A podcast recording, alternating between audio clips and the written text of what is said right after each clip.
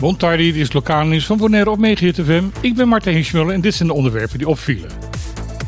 Binnen het Korps Politie Caribisch Nederland is met grote ontsteltenis gereageerd op de dood van een collega. In de nacht van woensdag op donderdag kwam aspirant-agent Jonathan Theodora bij een verkeersongeluk op de Calle om het leven. Hij botste met zijn scooter tegen een auto. Theodora startte in 2020 een opleiding bij het politiekorps en zou komende maand afstuderen. Op de sociale media is de discussie over de kwetsbare weggebruikers op Bonaire weer opgeleid.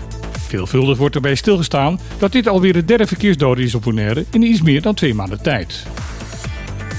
In een persbericht zegt KPCN dat Theodora een agent was die altijd bereid was om anderen te helpen. Zijn enthousiasme en levenslust zal binnen het korps gemist gaan worden. Voor het eerste maanden gaan in februari de brandstofprijzen weer iets omhoog. Voor zowel diesel als gewone benzine zal bij de pomp 7 cent per liter meer betaald moeten gaan worden. Dat betekent voor benzine dat er 1,35 dollar per liter moet worden afgerekend en voor diesel 1,17 dollar. Voor een grote gasfles ben je de komende maand 57 dollar 13 kwijt en voor een kleine 12,7 dollar. Respectievelijk ruim 2 en 1 dollar meer dan de afgelopen maand. Ook deze maand is kerosine de uitzondering op de regel. Daar blijft de prijs gelijk aan de vorige maand, namelijk 1,28 dollar.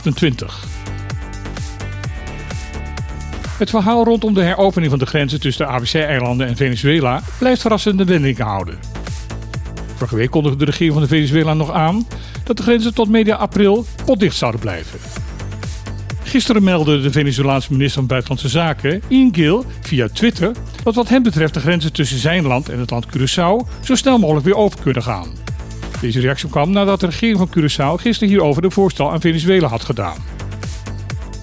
Deze ontwikkeling is bijzonder omdat binnen het Koninkrijk Nederland verantwoordelijk is voor het buitenlands beleid.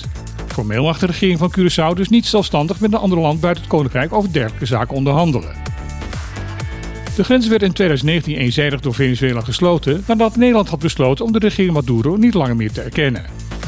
Minister Wopke Hoekstra van Buitenlandse Zaken heeft de laatste maanden steeds benadrukt dat het praten over heropening van de grenzen geen automatische erkenning van Nederland mag inhouden van de regering Maduro.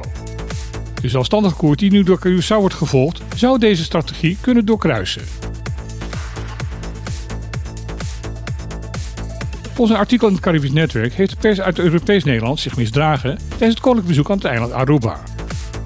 De Nederlandse pers drong daarbij voor in de vakken die waren toebedeeld aan de vertegenwoordigers van de pers, waarbij de lokale pers naar achteren werd geduwd.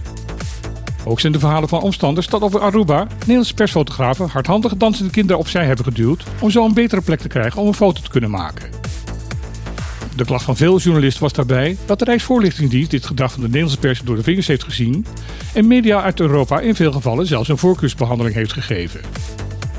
Zo werd volgens het artikel de lokale pers in een aantal gevallen door de leden van de RVD gevraagd om plaats te maken voor hun Europese collega's.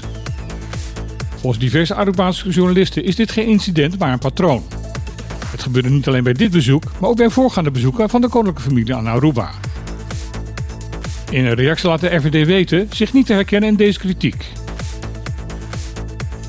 Dit was weer het laatste lokale nieuws van deze week op Megahit. Morgen is er weer van 12 tot 2 op de clip op deze zender vanuit Club Trocadero. Hier zijn onder andere de lijstduwer van het UBB, waar we Boy aanwezig zijn. Ik nodig daarom iedereen uit om morgen te luisteren of langs te komen bij Trocadero om onder het genot van een kop koffie of een lunch de uitzending live mee te maken. Maar wat je ook mag gaan doen, ik wens iedereen in elk geval een heel mooi weekend.